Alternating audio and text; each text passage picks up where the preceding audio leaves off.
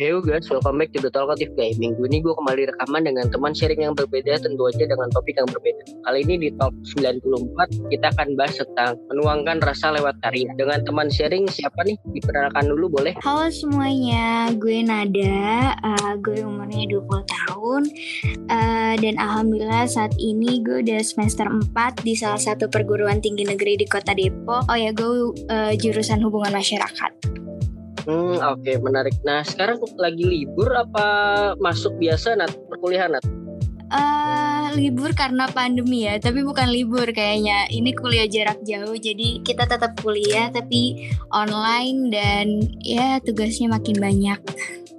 Oh, justru kalau malah online ngerasanya makin berat ya nanti? Iya, makin berat karena uh, jadi nggak terjadwal gitu loh. Kalau misalkan kuliah tatap muka kan kita terjadwal. Kalau misalkan dosen masuk, dosen keluar itu ada jam-jamnya. Tapi kalau misalkan kuliah online, ya udah kita dikasih tugas deadline-nya jam sekian di hari ini gitu. Oke, nah terus kalau misalkan nanti kan ini kan mau lebaran nih Nat, itu nanti mm -hmm. kuliah online-nya terakhir sampai tanggal berapa? Aduh belum tahu sih. Uh, kayaknya lebaran juga uh, yang pekerja kan nggak ada libur ya cuma libur dua hari. Nah uh, kalau untuk perkuliahan online sendiri belum ada ini sih belum ada pemberitahuannya sampai kapan dan uh, ini juga lagi masa-masa uas ya jadi ya nikmatin aja sih. Oh gitu. Tapi kalau misalkan uas online gini uh, ini gak maksudnya kayak tetap jadwalnya tiap hari atau ada selang-seling apa gimana gitu? Uh, untuk uh, semester 4 ini gue kebanyakan project ya. Jadi uh, uas gue ini uh, lebih banyak bersama kelompok Nah, kalau misalkan project itu biasanya kan deadline-nya ya paling uh, seminggu, dua minggu gitu sih. Oh gitu, oke oke menarik. Nah kalau misalkan flashback dulu nih kan tadi kan udah cerita dikit mm. masa kuliah. Kalau misalkan dulu masa SMA tuh Nada tuh IPA IPS, kenapa pilih jurusan tersebut? Dan termasuk anak yang kayak gimana nih dulu pas SMA? Rajin kah atau sering main kah atau gimana nih? Uh, eh, SMA gue tim IPS. Uh, eh, kenapa okay. mau IPS? Karena uh, bukan karena apa ya, bukan karena gambaran anak IPS adalah santai sih, enggak. Cuman ya gue lebih uh, merasa gue ada minat untuk di mata pelajaran IPS kayak sejarah. Gue suka banget sejarah. Geografi gue suka banget geografi. Apalagi kalau misalkan materi-materi tentang pembentukan bumi gitu. Gue suka banget tentang uh, tata surya intinya. Nah uh, kalau IPA kan lebih kayak biologi fisika. Aduh itu udah up banget deh. Nggak bisa mikir gue kalau untuk kayak gitu. Um, gue anak yang apa ya SMA dibilang rajin enggak. Dibilang nakal juga nggak terlalu. Ya sedang-sedang aja sih sangat menikmati masa SMA gue uh, dengan normal sih. Kayak misalnya cabut ya cabut. Terus uh, belajar bareng ya belajar bareng, les bareng ya les gitu. Kalau nilai gue udah tahu kelemahan gue di matematika, jadi ekspektasi gue terhadap matematika tidak terlalu tinggi. Uh, tapi alhamdulillah gue mendapatkan nilai bagus pas kelulusan untuk nilai geografi satu sekolah dan satu angkatan maksudnya. Wow, keren dan alhamdulillah ya. Alhamdulillah. Nah, terus pada saat lulus SMA nih, cerita uh -huh. bisa milih jurusan kuliah yang kayak sekarang tuh ceritanya gimana nih? Ini per percobaan pertama atau jurusan lain atau gimana? Sebenarnya gue tuh pengen banget ilkom. Uh, itu pas uh, eh, SMA tuh sebenarnya masih abu-abu, tapi pengen banget ilkom. Masih abu-abunya adalah gue nggak tahu nih kalau misalnya ilkom itu ternyata ada jurnalis, broadcast, terus juga ada humas gitu kan. Terus juga ada uh, periklan kalau di vokasi uh, universitas gue gitu. Nah, uh, gue memilih jurusan humas ini karena setelah gue baca-baca oh ternyata gue kayaknya ada bakat deh kalau misalkan di humas. Karena gue mikirnya tuh humas itu cuman tentang public speaking gitu. Karena gue interest juga kan sama dunia public speaking. Nah ternyata setelah gue kecemplung di humas dan mulai menyelami ternyata banyak banget sih hal-hal yang di pelajaran pelajarin di humas. Nggak cuman tentang gue public speaking aja tapi gimana caranya uh, membranding sesuatu membranding diri sendiri sebagai humas gitu supaya dipercaya gitu. Gitu sih. Dan kalau misalkan humas uh, ilmu komunikasi humas itu jadi pilihan pertama sih waktu senam PTN dan kebetulan gue ngajak ikut SBM jadi gue langsung ikutan PPKB itu jalur PPKB di umur yang sekarang lo menilai kelebihan dan kekurangan lo kayak gimana nih Nat? Oke okay, um, kekurangan gue yang gue rasain sampai dengan saat ini adalah gue tuh orangnya mudian parah. Yang tadinya gue bisa ketawa-tawa lima menit kemudian tuh gue bisa nangis. Ada aja yang ditangisin dan itu menurut gue juga akan menjengkelkan orang di sekitar gue gitu loh. Karena banyak banget teman-teman gue yang um, apa ya bilang kalau misalkan sifat gue ini apaan sih Nat? Kok tiba-tiba lu nangis? gitu. Mereka juga heran mereka juga bingung gitu. Dan menurut gue hal yang seperti ini emang udah harusnya dihilangkan ya. Karena ternyata juga emang gak buat nyaman diri sendiri apalagi orang sekitar gitu. Kalau misalnya uh, kelebihan saat ini apa ya gue tuh lebih bisa untuk sabar menghadapi orang yang seperti apa pun gitu. Maksudnya adalah uh, gue nggak meledak-ledak seperti dulu gitu. Jadi intinya 20 tahun ini gue berusaha untuk bisa menjadikan diri gue lebih baik dan lebih sabar intinya. Ah oke okay, oke. okay. Nah kalau misalkan di Instagram ini ada yang nanya gimana hmm. caranya kita bisa bahagia dengan hidup ini yang semakin berat? Oke, okay. uh, eh, gimana caranya bisa bahagia dengan hidup yang semakin berat? Um, sebenarnya yang bilang hidup ini semakin berat itu kita sendiri. Semua rasa yang kita rasain kayak misalnya rasa senang, rasa sedih itu kan atas izin kita sendiri kan. Pokoknya percaya aja segala hal yang memberatkan itu sesuai dengan level kekuatan diri kita. Dan coba deh lo keluar, lo lihat sekeliling lo banyak banget yang punya masalah lebih berat dari lo, tapi mereka masih bisa untuk berusaha menikmati hidup gitu. Pastinya banyak kok tangan-tangan tulus yang siap membantu dan untuk bahagia menurut gue satu-satunya adalah coba maafkan dan ikhlaskan apa-apa yang terjadi, apa-apa yang dirasa pahit. Karena dengan begitu kita bisa meringankan beban diri kita sendiri gitu loh. Ah, oke okay, oke. Okay. Nah, kalau misalkan yang buat nada bahagia halal seperti apa sih kalau sekarang ini? Um, kalau menurut gue yang membuat diri gue bahagia saat ini, jujur dari dulu gue merasa gue akan bahagia kalau misalnya gue melihat orang-orang di sekitar gue bangga terhadap hasil pekerjaan gue. Artinya uh, gue udah berusaha semaksimal mungkin dengan apa yang gue miliki. Terus mereka menghargai apa yang gue hasilkan gitu. Jadi itu kebanggaan yang bener-bener apa ya? Yang bener-bener gue rasain sih sampai dengan saat ini dan itu membuat gue sangat bahagia gitu. Hmm, oke. Okay. Nah, kalau misalkan dari kecil tuh orang tua Nada mendidik Nada kayak gimana sih dan hal apa yang paling diinget gitu petua-petuahnya sampai sekarang? Uh, Alhamdulillah orang tua gue itu adalah uh, orang tua yang suportif.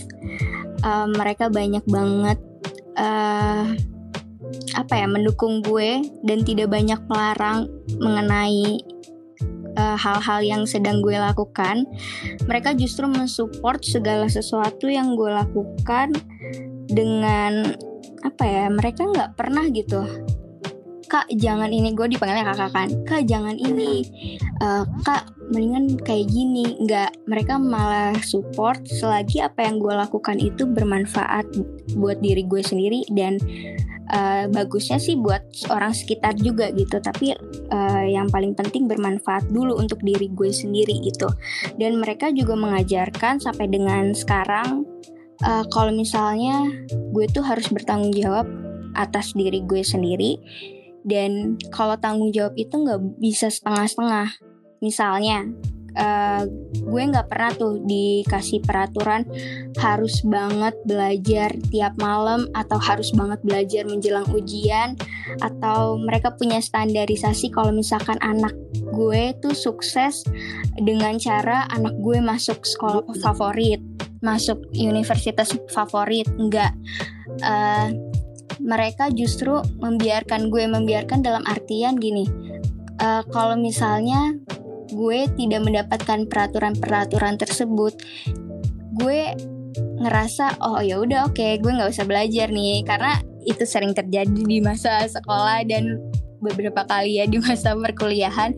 Gue sering ngerasa oh iya mereka nggak ngasih peraturan gue nggak gue harus belajar jadinya gue kayak oh yaudah leha-leha nih ngelihat hasil hancur. Itu gue ngerasa diri gue payah dan di situ mereka uh, mendidik gue dengan cara ya itu yang lo perbuat ya lo menyelesaikan masalah lo sendiri harus dengan mandiri lo harus bisa memecahkan masalah dengan mandiri gitu lo harus bisa mencari solusi dengan sendiri karena itu apa yang udah lo perbuat gitu jadi mereka bener-bener ngajarin sih gimana caranya tanggung jawab dengan penuh dan dengan memecahkan masalah itu dengan mandiri. Jadi ya jadi terbiasa lebih mandiri dan lebih siap dan matang aja untuk menghadapi segala sesuatu. Oke, menarik. Nah, kalau misalnya kita kan pasti pernah ngalamin up and down dalam hidup. Nah, kalau bisa nada cerita satu momen up atau dan satu momen down gitu kalau di flashback pada saat waktu itu yang berkesan dan bisa diceritain gitu. Oke. Okay. Uh, eh, okay. Down dulu ya. Um, gue itu pernah lah ngerasain yang namanya gagal dan beberapa tahun lalu dua tahun lalu ya 2018 gue tuh ngalamin gagal gue tuh pengen masuk kampus ini tapi gue tuh nggak keterima di jalur uh, undangan senam PTN gitu. Padahal gue dapet kuota. Itu bener-bener sakit hatinya tuh luar biasa sampai nggak makan dua hari karena bener-bener ngerasa payah banget. Apaan sih gue? Gue nggak bener-bener nggak bisa gitu masuk kampus yang udah gue harapin dari zaman gue SMP masa sih gue nggak bisa masuk kampus itu? Terus gue kuliah di mana? Apa nggak ada kampus yang mau nerima gue gitu? Payah banget sih gue gitu itu sih waktu downnya. Terus waktu upnya itu ketika gue udah berusaha untuk oh ya mungkin emang bukan rezeki gue di situ. Artinya gue udah bisa menerima dan ikhlas gitu. Di saat itu Tuhan ngasih gue uh, ganti yang masya Allah luar biasa gitu gantinya. Di uh, maksudnya bukan membandingkan kampus sih cuman di saat gue mengikhlaskan kampus tersebut ada kampus lain yang mau menerima gue gitu. Oh oke, okay. jadi kuncinya dari keikhlasan itu ya. Iya. Nah kalau misalkan sebenarnya ada dulu pas masa kecil tuh punya cita-citanya apa nih? Aneh banget sih cita-cita gue waktu kecil. Kalau misalkan yang normal tuh kan cita-cita di umur segitu kan biasanya uh. guru, dokter, polisi. Tapi tuh gue malah punya cita-cita jadi bidadari. Gue tuh nggak ngerti karena dulu tuh karena dulu tuh suka banget kan sama sinetron bidadari. Gue tuh ngeliat bidadari tuh cantik penolong ya gue berharap itu tuh adalah sebuah profesi gitu. Ternyata itu cuma hayalan. Nah terus kalau misalkan ngomongin hobi selain cita-cita gitu karena kalau misalkan hobi yang nada tepunin sampai sekarang tuh apa aja sih? Dan awalnya gimana tuh nepunin hobi itu? Hmm, gue lagi hobi uh, untuk saat ini karena gue dulu nggak terlalu punya hal yang interest banget ya jadi nggak terlalu punya hobi yang gimana gitu. Cuman untuk sekarang uh, hobi gue itu nyari tahu tentang kesehatan mental dan parenting. Kalau misalkan kesehatan mental itu bermula dari uh, salah satu aktivitas gue. Beberapa kali kan gue suka ikut program training yang salah satu tujuannya itu untuk kesehatan mental. Kalau parenting nggak tahu ya mungkin karena udah kepala dua merasa ilmu ini udah harus dipersiapkan gitu karena waktu kan berjalan cepat banget ya. Terus um, selain gue nyari-nyari tentang kesehatan mental dan parenting hobi gue ya nulis gitu ngerangkai kata sampai akhirnya bisa berbentuk voice over karena menurut gue kegiatan ini healing untuk diri gue sendiri. Oh gitu. Itu itu awalnya gimana sih? Maksudnya kayak suka nulis itu emang awal kan ada proses ya dari mulai sekedar nulis sampai jadi voice over itu tuh ada keinginan apa tuh sebenarnya tuh? Awalnya gimana tuh? Sebenarnya sebenarnya itu tuh karena eh, masa-masa patah hati dua Oh. tahun lalu gitu. Jadi ya itu ya anak SMA gitu kan ya dan baru ngerasain patah hati yang bener-bener aduh gitu itu pas akhir SMA gitu jadi dari situ mulai buat kata-kata ngerangkai sampai akhirnya jadi voice over Hmm, gitu. Oke oke. Nah kalau misalkan Nada nih di umur yang sekarang ini sebenarnya udah tahu belum sih tujuan hidup Nada apa atau sebenarnya masih berproses? Hmm, kalau tujuan hidup ya pastinya udah tahu ya gue ini manusia biasa yang harus memaksimalkan apa yang Tuhan kasih. Sehingga nantinya ini bisa jadi manfaat gitu buat diri gue sendiri dan orang sekitar.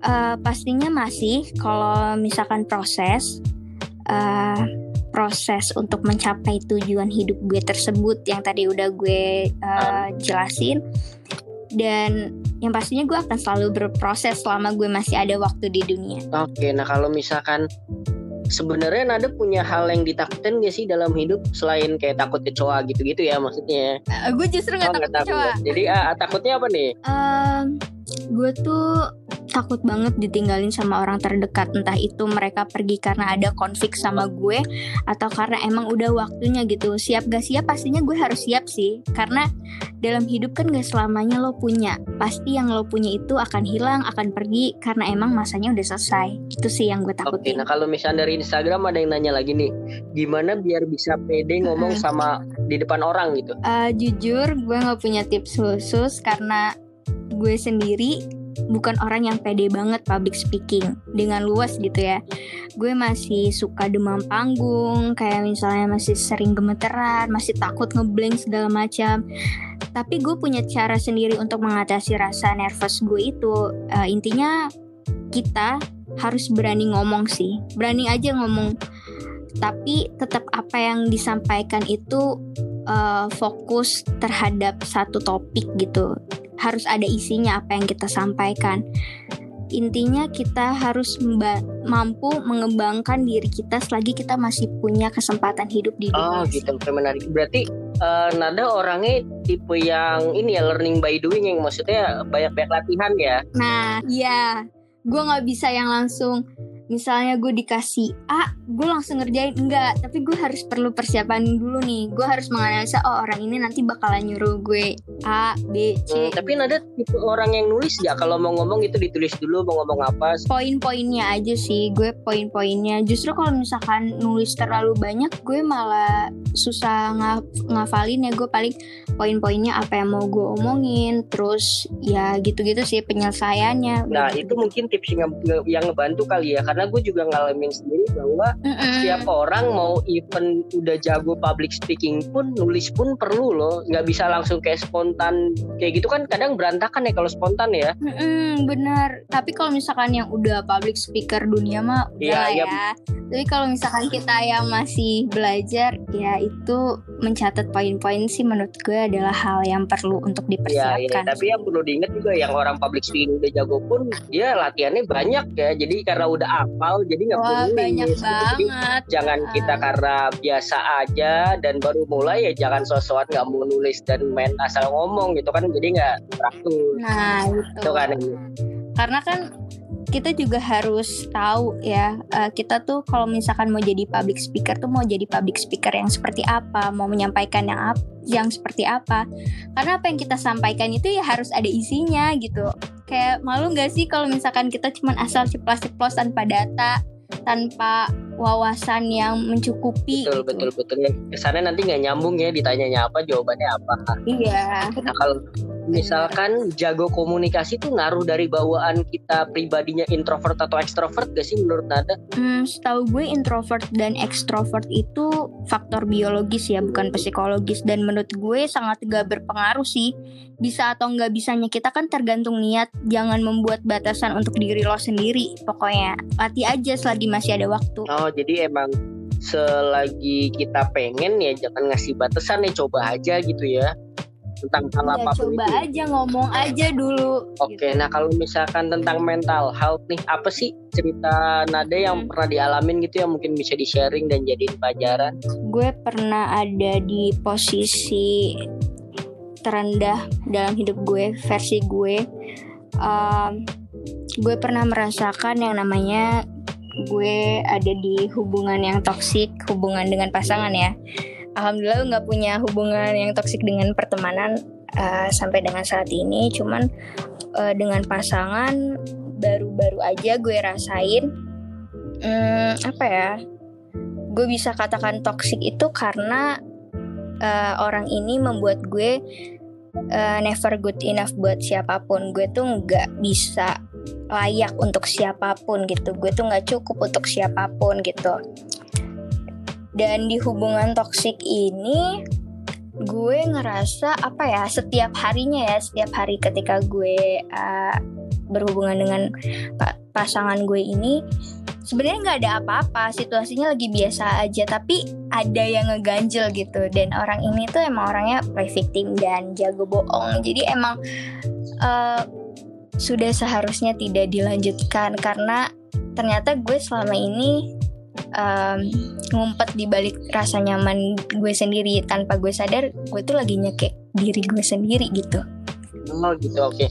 Nah terus berarti hal-hal toksiknya seperti seperti apa sih contohnya gitu yang bisa di share yang kayak membuat nada tuh ibarat kata tanda kutip jadi beban gitu loh untuk kayak ngejalanin hubungan tersebut gitu. Um, apa ya?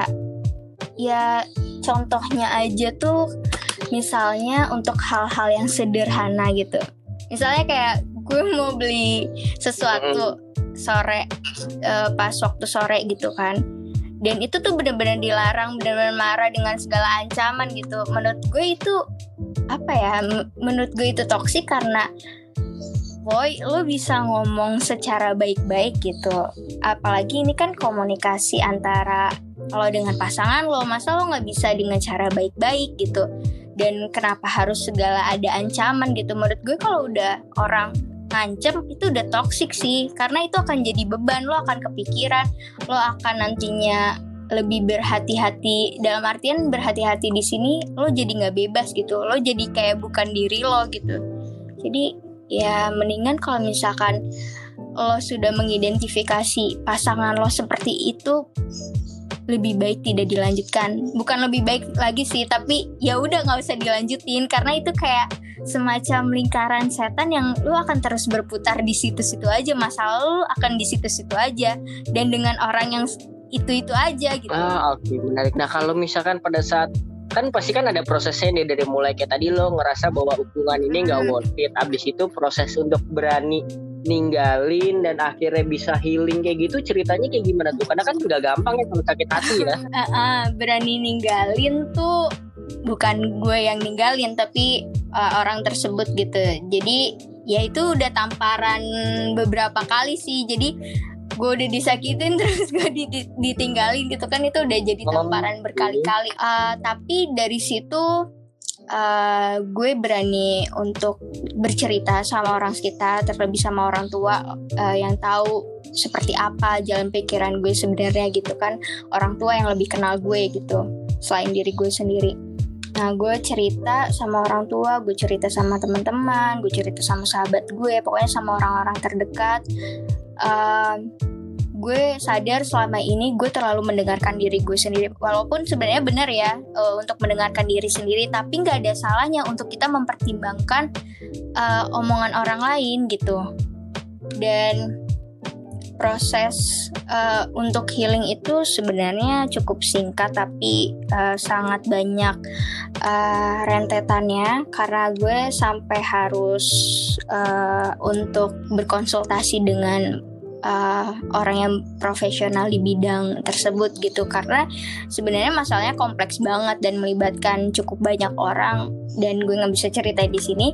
Tapi intinya gue benar-benar di situ ngerasa gue baru pertama kali loh patah hati yang gak cuman patah aja gitu. Bukan cuman hati gue yang patah tapi benar-benar mental gue diacak-acak. Jadi gue harus berkonsultasi untuk menghealing diri gue berkonsultasi dengan orang yang profesional di bidangnya gitu. Hmm, jadi poinnya adalah kalau misalkan emang kita udah nggak kuat dengan masalah diri kita sendiri, perlu support system yang positif itu juga penting gitu ya untuk membantu. Perlu ya. banget, perlu banget. Jangan takut dianggap gila ya jangan takut dianggap gila hanya karena kita berkonsultasi dengan profesional tersebut karena adanya mereka kan emang bertujuan untuk membantu kita gitu Iya, biar sampai nggak gila gitu.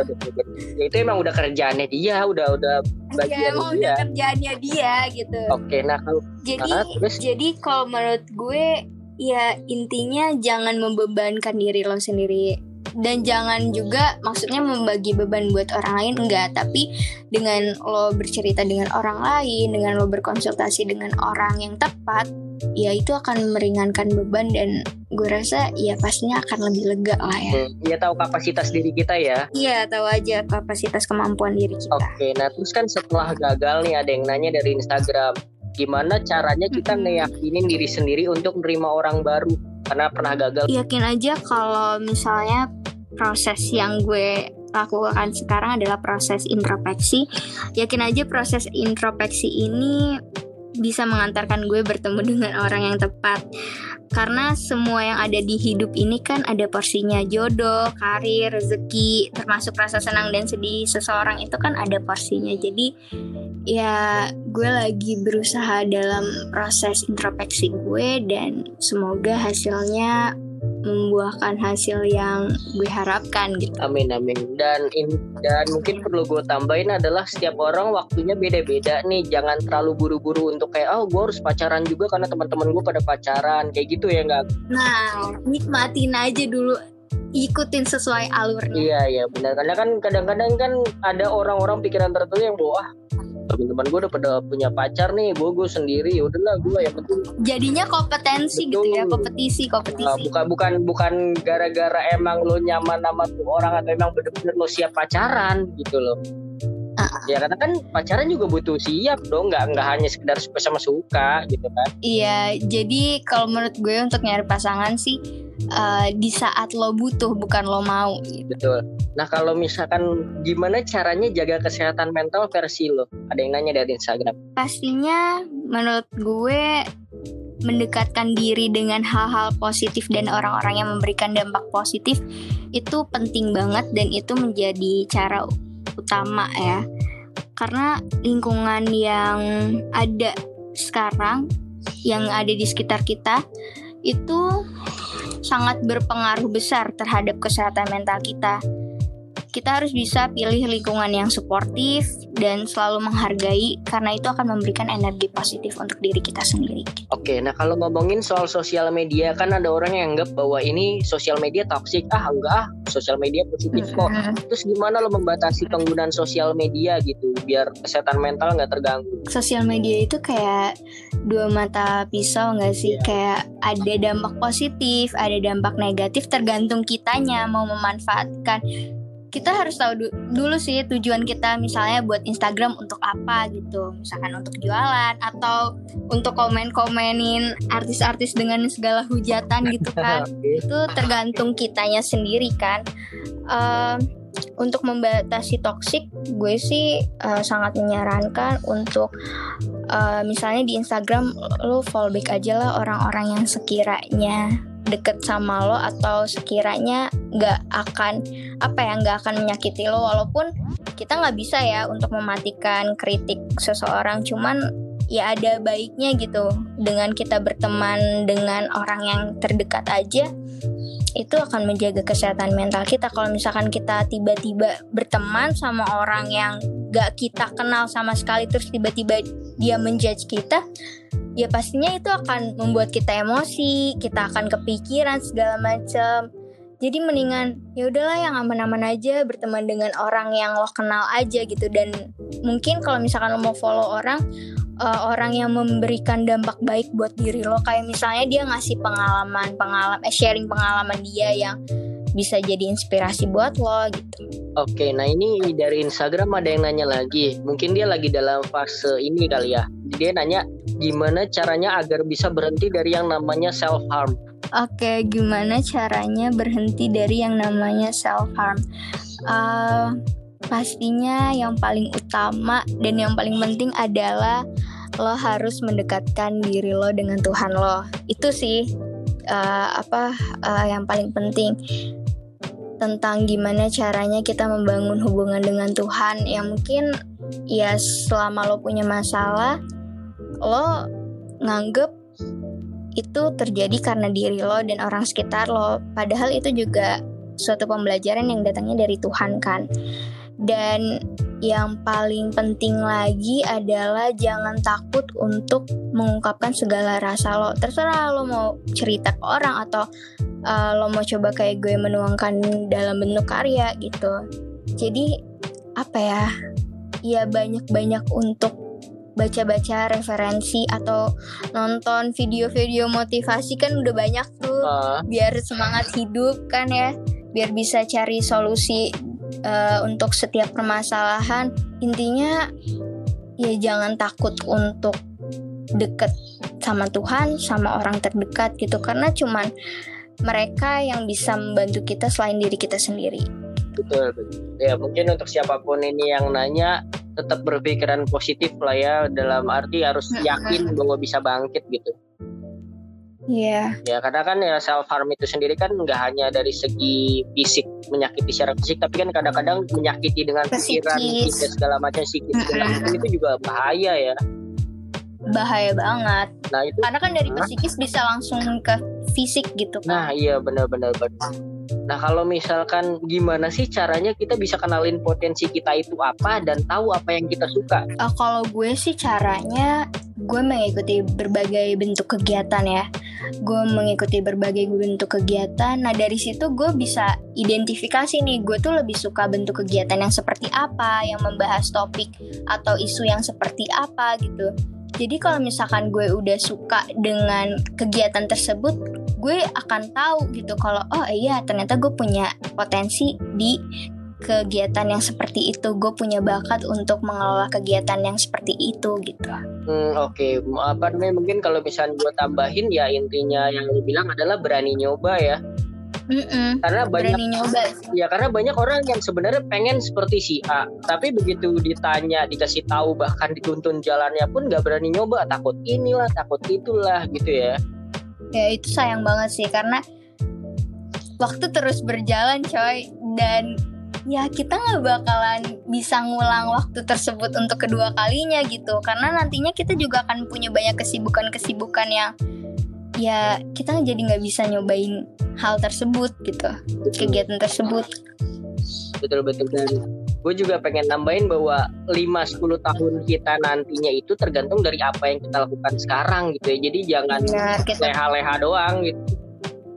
Iya benar. Kita bertanggung jawab atas diri kita sendiri sih itu oke nah kalau misalnya nih pertanyaan adalah banyak yang mengejar karya bukan dari kualitas tapi dari ikutin apa yang viral menurut lo gimana Nat? Hmm, menurut gue ya mungkin sebenarnya mereka juga lagi berusaha untuk berproses menghasilkan sesuatu ya. Cuman um, lebih baik kita sendiri ketika kita bertemu atau berhadapan dengan orang yang seperti itu kita sebenarnya seba sebaiknya jangan ngejat sih kita harusnya lebih mengarahkan karena sebenarnya uh, mereka perlu arahan nih karena mereka sebenarnya udah banyak terbuai sama standarisasi orang banyak gitu. Padahal kan standarisasi orang uh, itu relatif ya. Ketika gue bilang misalnya ketika gue bilang musik ini jelek atau kurang bagus. Lo beranggapan musik ini bagus Nat. Nah itu kan relatif ya. Karena pandangan orang terhadap sesuatu kan berbeda-beda. Soalnya apa ya kalau menurut gue ketika kita membuat suatu karya jangan membiarkan diri kita dituntut untuk bisa memenuhi maunya orang. Biarin aja kita berproses berkembang menghasilkan sesuatu yang kita mau dan kita suka gitu. Jadi kalau menurut gue karya yang dihasilkan berdasarkan apa yang kita suka apa yang benar-benar kita mau buat yang benar-benar dari hati itu pasti akan sampai ke hati orang banyak juga gitu Hmm, intinya maksudnya ujung-ujungnya lebih kepada lo boleh ngelakuin apa pun itu tapi ya ujung-ujungnya ya pertimbangin kata hati lo lah ya itu serak apa enggak dengan lo kayak gitu. Iya benar. Oke, nah kalau misalkan tentang karya lagi nih gue pengen tahu seberapa penting sih originalitas dan personal branding menurut lo dalam suatu karya? Uh, originalitas dan personal branding penting banget karena akan membentuk karakter pada karya kita. Orang jadi gampang kenal nih karakter si A ini bentuknya kayak gini topik yang sering diusung atau dibahas tuh ya yang kayak gini gitu. Jadi lebih kayak pembentukan karakter untuk karya kita sendiri sih. Oke, tapi kalau misalkan lo sudah mulai mengerahkan sosmed lo gak untuk personal branding lo nanti pengennya kayak gimana sih kalau di sosmed gitu Nat? Uh, gue apa ya? Gue pengen jadi orang yang pengennya sih sering-sering ngebahas isu tentang kesehatan mental dan parenting sih ya. Uh, cuman karena berbagai kegiatan jadi kadang lupa untuk ngepost atau lagi belum nemu nih ide untuk uh, dibahasnya spesifiknya seperti apa gitu. Oh gitu oke. Okay.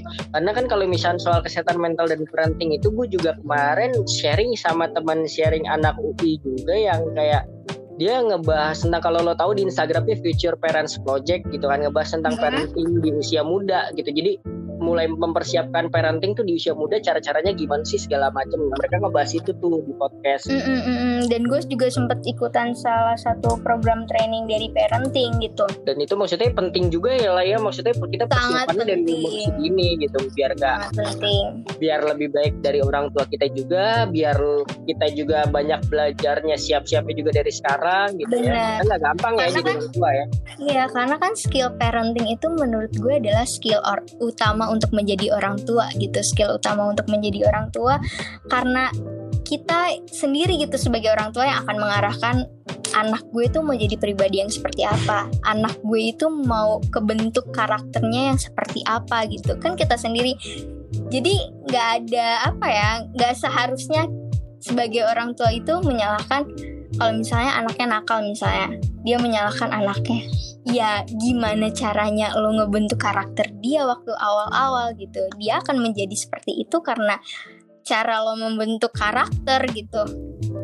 Hmm oke okay, oke okay, oke. Okay. nah kalau misalkan lo nat yang bikin lo suka sama suatu karya atau konten di sosial media itu biasanya dari aspek mana aja sih yang lo lihat gitu uh, gue tuh sukanya itu dari kualitas tampilan karya tersebut sama isi dari pesan karya tersebut gitu. Karena gue kan orangnya auditoria gue lebih suka misalnya kualitas dari sisi audionya. Kalau misalkan audionya kurang ya pasti pesannya tersampaikannya juga kurang kan mungkin lebih menarik kalau misalkan visualnya lebih bagus kan uh, itu akan menjadi daya tarik sendiri untuk orang bisa memperhatikan karya tersebut sampai akhir gitu. Kadang gue juga sering cari sih uh, background dari yang buat karya tersebut. Kalau gue kagum sama orang tersebut biasanya jadi daya tarik sendiri untuk gue mengikuti perkembangan karya-karyanya sampai akhir gitu Hmm, ada rekomend gak sih yang menurut lo akun apa gitu yang positif yang mungkin bisa jadi hal baru buat pendengar kita gitu? Hmm, gue ngerekomendasiin uh, Catwomanizer. Oh iya ya terus. Uh -uh, terus. Kenapa tuh kenapa? Um, karena dia sangat gue butuhin waktu gue ada di uh, hubungan yang toksik itu. Dia sering banyak bahas gimana sih caranya lo menghargai diri lo sendiri dulu baru lo mencoba untuk menghargai orang lain? Karena uh, apa ya kadang tuh kalau misalkan kita ada di hubungan yang toksik kita tuh merasa oh orang ini bentar lagi akan berubah gitu. Kita tuh merasa dengan pedenya ya, dengan pedenya kita tuh merasa kita yang bisa merubah.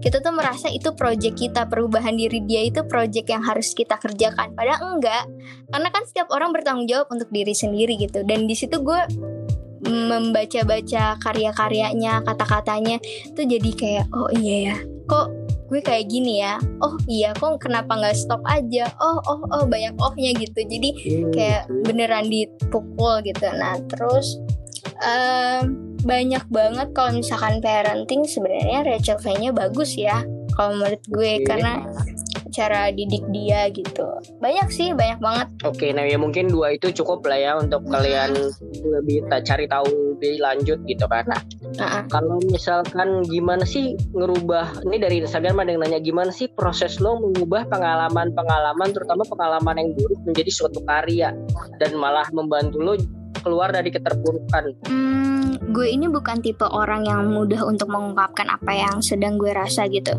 Jeleknya gue ini, gue sering memendam sampai akhirnya gue meledak dengan sendirinya.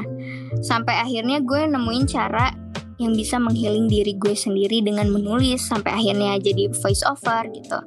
Kayak judul pembahasan kita sekarang gue merasa dengan yang gue lakukan ini gue bisa menuangkan rasa dengan lepas sedikit demi sedikit mengurangi beban gue intinya ngebuat gue lega banget apalagi bisa jadi sebuah karya ada kebanggaan tersendiri untuk diri gue sendiri sih apalagi kalau orang menyambut karya gue dengan respon yang baik gitu. Oke, nah berarti lo proses untuk menulisnya itu misalkan ngerasain sedih lah karena sesuatu hal. Hmm. Proses menulisnya itu pada saat sudah lewat dari masalah tersebut atau lagi sedih-sedihnya atau pas kapan nih? Nah, biasanya? Gue justru bisa buat kayak gitu di saat gue lagi sedih. Ketika gue seneng gue bener-bener blank, gue nggak bisa mikirin kata-katanya. Tapi gue harus bener-bener lagi terpuruk-puruknya. Uh baru ngetik tuh paling enak. Udah. Oh jadi tapi kalau misalkan untuk kayak karya-karya yang bukan temanya sedih gitu lo udah apa namanya lo nulis juga? Atau emang lebih kepada yang emosional yang kesedihan apa kayak gitu-gitu? Alur karya lo? Hmm, kalau untuk yang senang-senang itu kayak misalnya hmm, motivasi untuk diri sendiri gitu, gue di saat udah selesai sih masalahnya gue lebih membayangkan oh iya ternyata gue pernah ngadepin masalah ini ternyata gue masih bertahan gitu. Misalkan patah hati walaupun patah hati yang patah kan hati bukan kaki. Jadi nggak ada ya kan? Yang patah hati bukan kaki. Jadi nggak ada alasan untuk kita nggak bangkit lagi gitu. Jadi setelah uh, ngalamin masa-masa down baru sedikit demi sedikit bangkit baru bisa uh, untuk bikin karya-karya yang sifatnya nggak terlalu melo-melo amat gitu. Oke, berarti kalau misalnya tadi kan lo sempat cerita bahwa lo tipe orang yang mendem-mendem-mendem dulu baru meledak. Gitu. Berarti hmm. kalau lo lagi sedih-sedihnya itu lo lebih nyaman dengan kesendirian gitu, apa gimana? Uh, gue pertama uh, pastinya gue akan ngurung diri sendiri. Dalam artian gue nggak mau untuk bercerita dulu sama siapa pun gitu. Gue nunggu sehari dua hari tiga hari untuk siap cerita sama orang terdekat dulu gitu. Sama orang tua pastinya. Baru gue cerita sama sahabat sama teman-teman gitu. Uh, karena apa ya gue tuh sebenarnya jeleknya gue adalah orang tuh harus gue paksa untuk menganalisa apa yang sedang gue rasakan gitu. Itu jeleknya gue karena ya semua orang lah ya bisa dan nyaman dengan sifat yang seperti itu. Karena jadi nggak jelas juga nih orang maunya apa gitu. Itu sih jeleknya gue dan gue masih belajar untuk gimana sih caranya mengungkapkan rasa dan perlahan uh, semakin bertambahnya umur gue bisa untuk mengungkapkan rasa dalam bentuk karya terus juga bisa mencari uh, berbagai media yang bisa menghealing gue gitu. Oke, nah kalau misalkan nada main Instagram gitu sebenarnya kegunaannya buat apa sih nyari-nyari info apa atau hiburan atau gimana nih? Hmm, gue banyak nyari untuk berbagai hal sih yang pengen gue cari gitu. Gue nyari inspirasi juga dari sosial media, terus juga nambah koneksi, terus juga nyari-nyari pengalaman misalnya ada uh, info magang atau uh, volunteer atau training, program training itu dari sosial media dan gue memanfaatkan itu sih. Oke, kita kenal juga dari sosial media. Ya, Bener, ya, dari Instagram ya, doang. Benar-benar. Ya maksudnya kalau misalkan dengan kemudahan teknologi sebaiknya diarahkan ke yang positif daripada ya, yang negatif. negatif. Atau sekadar hiburan gitu ya. Mm -mm. Oke, nah yang terakhir nih Nat, gue pengen tahu what's next nih dalam 1 sampai tiga tahun. Mungkin nanti kalau misalnya setelah lulus kuliah deh pengennya ngapain nih cerita tentang perjalanan karir Nada pengennya. Oke, okay, um, what's nextnya intinya gue mau tetap semangat untuk terus berproses menemukan versi terbaik dalam diri gue. Terus juga setelah lulus kuliah gue pengen banget gue ikutan uh, coaching certification di, yang diadakan sama salah satu lembaga training uh, gue pengen jadi uh, profesional coach di bidang human development gitu. Dan gue pengen banget mimpi gue adalah gue membuka lembaga training parenting. Itu sih mimpi gue. Amin amin amin, amin. Oh jadi uh, tapi uh, lo ada keinginan untuk ini guys maksudnya lo pengen hidup dari karya lo kayak misal tadi coaching segala macam terus misalkan ada keinginan kayak nulis atau mungkin kerja kantoran dulu apa gimana gitu ada keinginan kan? Gue sebenarnya lagi dalam proses pengen nyusun buku ya pengen bikin buku gitu. Hmm, okay. uh, terus juga uh, lagi proses untuk persiapan coaching juga itu sih paling pengen bener-bener uh, bikin buku dengan sesuai dengan ekspektasi yang gue mau dan sesuai dengan apa yang gue rasain gitu. Jadi buku tersebut punya karakter sendiri, bisa sampai ke banyak orang gitu. Hmm, emang bukunya apa nih? Uh, novel atau apa gitu? Uh, iya, pengennya dalam bentuk novel. Ya semoga aja. Hmm. Amin amin amin. Semoga ya bisa cepet jadilah ya. Maksudnya dalam arti sesuai dengan kepuasan lo gitu kan gak ada tulis doang gitu nah yang ini dong apa promo sos sosial medianya Nada dulu biar orang pada lebih tahu dan mungkin mau nanya-nanya lagi oke okay. uh, eh, halo semuanya buat kalian yang mau nanya-nanya uh, feel free banget uh, gue selalu meluangkan waktu untuk pertanyaan-pertanyaan kalian. Kalian bisa tanyain di sosial media gue di Instagram @nada_aulia_ptr. Nada Ulia PTR langsung aja. Thank you nih Nut buat waktunya untuk sharing-sharing bareng Talkative Guys. Sama-sama Kak Bobby. Terima ya, kasih. semoga semoga bermanfaat dan yang jelek-jeleknya dijadiin pelajaran yang positif mungkin bisa diambil buat kalian diri atau gimana terserah. Ya gitu dan semoga nanti kita bisa kolaborasi secara lebih langsung ya okay. atau dalam bentuk lainnya gitu Nat ya. Ditunggu banget. Okay. Makasih. Ya sama-sama dan apalagi kan suara lo bagus nih gitu kan dan gue juga lagi ngembang-ngembangin konten yang butuh cerita dan voice over gitu nanti siapa tahu lo bisa masuk dalam salah satu karakternya. Amin semoga bisa ya. cepat kerja. Ya betul. Semoga juga pandemi ini cepat berakhir lah ya Amin. biar kita beraktivitas normal. Jaga kesehatan okay, semuanya. Ya, thank you ya Nat. Thank you guys yang udah dengerin episode kali ini. Sampai ketemu minggu depan. Bye-bye. Bye.